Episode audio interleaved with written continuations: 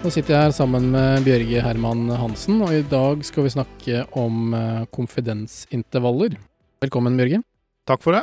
Jeg tenkte vi skulle ta utgangspunkt i en artikkel som du har skrevet, som heter eh, Step by Step. Da må du nesten si litt om tittelen først.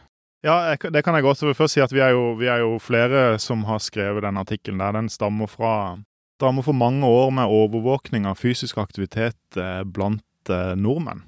Så det er spenn, veldig spennende datasett å få lov til å jobbe med. og og Artikkelen er jo lengre. Det står jo noe etter Step by Step, men akkurat Step by Step er jo et sånn lite nikk til en sånn uh, ungdomshangup jeg hadde på den uh, kjente og kjære gruppa New Kids on the Block. Største hiten der, Uh, Step by Step. Det er også noe som jeg av og til bruker i, i statistikkundervisning, for det er veldig sånn Step by step så er ikke dette her noe spesielt vanskelig.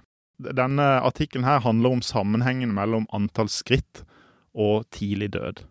Enkelt og greit. Ganske, ja, ganske clean eh, artikkel, studie. Og hvis vi tar utgangspunkt eh, i resultatdelen, så skal vi i dag snakke om konfidensintervaller. Og i artikkelen så, så har du et utvalgsmål som er hazard ratio, stemmer det?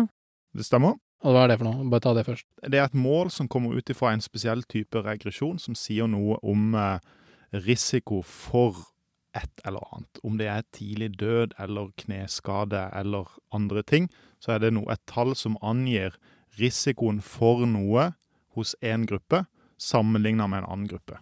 Og i denne sammenheng så er det all cause mortality som er den Ja, det er rett og slett tidlig død.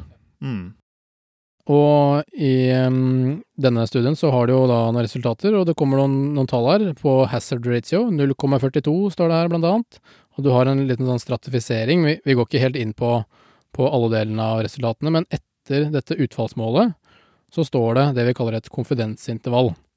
Så du det et punktestimat, et estimat på effekten, risikoen for tidlig død, og så har det et konfidensintervall etterpå, som, som spenner på begge sider av et punktestimat. Hva er et konfidensintervall? Ja, eh, hva er et konfidensintervall? Jeg skal ta eh, et bitte lite steg tilbake. For når, når, du, når leser en sånn vitenskapelig artikkel, så, så, er det en hel haug med ulike mål.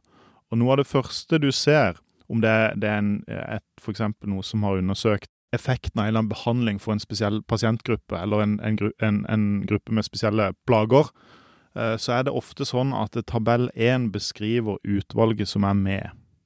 Og Det er viktig informasjon for dere som leser dette, her, for å vurdere Ok, dette er de som faktisk, de personene som ligger til grunn for det vi har funnet. Er, det, er de eldre, er de voksne, er de skjøre, er de friske? Sånn, det, har noe, det, har noe, å si for hvordan man tolker resultatene.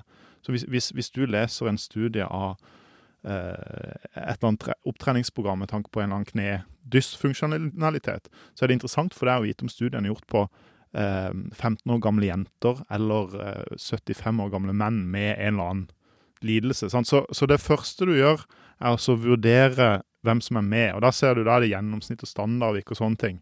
Men, men, så går vi videre til det, til det du spør om, nemlig konfidensintervall. Hva er et konfidensintervall? det ligger litt i ordet, for konfidens betyr eh, sikkerhet. Confidence, sikkerhet. Og når, du, når I denne artikkelen her har du et, en, en, et effektestimat på 0,48, så gir jo ikke det mening i seg sjøl. Men det, det, er rett og slett risikoen for eh, tidlig død hos de som var litt aktive, sammenligna med de som var inaktive. 0,42 for å være 0, presist. Og, og, og, en risiko, en sånn odds-ratio som dette går fra null til uendelig høy. En risiko på én betyr ingen forskjell. Så en risiko på hvis vi runder av til 0,5 for å gjøre det litt enkelt å tolke, så betyr det at eh, når odds-ratioen var på 0,5 hos de nest minst aktive sammenlignet med de minst aktive, så er det en halvering av risiko for tidlig død i den gruppa sammenlignet med de minst aktive. Og så kommer du til det du egentlig spør om, er konfidensintervaller. Det er det at uh, i parentes bak et sånt effektestimat som odds ratio, så står det to tall. Så står det 95 confidence interval, og så står det to tall. Og det er rett og slett at eh, OK, vårt estimat, det er det som popper ut av våre data. Og det er på en måte det som vi eh, rapporterer. Men basert på om dette er en liten undersøkelse eller en stor undersøkelse og, en del andre faktorer, så er vi enten ganske sikre på at dette estimatet stemmer ute i den virkelige verden, eller vi er usikre på hvor det egentlig ligger henne, hvor den sanne verdien ligger henne. Så dette intervallet angir at eh, OK, vi har et effektestimat på 0,42. Så har vi et konfidensintervall som eh, går fra Nå husker jeg ikke akkurat, men si det gikk fra 0,3 til 0,7. Så sier vi at OK, et estimatet var det, og vi, 95, og vi kan med 95% grad av sikkerhet si at det, det ligger i hvert fall et eller annet sted innafor disse to grensene. Så det sier noe om usikkerheten. Når jeg forklarer dette, eh, så, så river nok en statistiker seg litt i håret, for dette er, eh, dette er på en måte en, sånn, en anvendt tolkning av konfidensintervall. Skal du være litt mer nøyaktig, så er definisjonen av et konfidensintervall at eh, hvis du gjør forsøket én gang, sånn som vi har gjort, så får vi vårt punktestimat. Så gjør vi noen beregninger hvor vi tenker oss at vi, okay, vi gjennomfører samme prosjektet uendelig antall mange ganger. Så han trekker nytt utvalg, samler inn data, tester, får et nytt eh, effektestimat. Om igjen, om igjen, om igjen. Og 95% av de uendelige antall gangene så får vi et estimat som ligger innafor de to grensene. Så det er den korrekte forklaringa. Men, men, måten vi tolker det på, er at OK, vårt estimat er 0,5. Vi er 95% sikre på at sannheten der ute ligger et eller annet sted mellom den og den grensa. En graf her, så ser vi at uh, antall steg hver dag er det dere har målt. Og etter hvert som det blir veldig høyt, over 14 000 steg blant annet, så får dere et veldig bredt konfidensintervall. Et usikkert estimat. Hvorfor det? Ja, det en, for det første så er det jo en, en god observasjon du har gjort. Eh, og, men det er rett og slett bare fordi at eh, etter hvert som vi kommer opp i ganske høye antall skritt per dag, så har vi nesten ikke data der. For det er så, det er så, mange, det er så få individer som faktisk ligger på sånne høye, eh, høye antall, altså høyt aktivitetsnivå.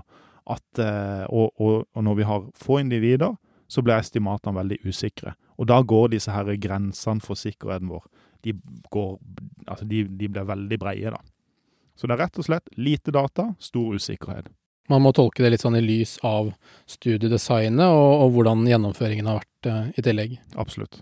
Veldig bra. Da håper jeg at de som uh, hører på podkasten har fått et litt bedre bilde av konfidensintervaller. Takk for samtalen. I like måte. Hvis du likte denne episoden, del den gjerne i sosiale medier, og gi meg en anmeldelse i din podkastspiller. Tips til temaer som du ønsker å høre mer om, eller andre tilbakemeldinger, kan sendes til kontakt at moenfysioterapi.no.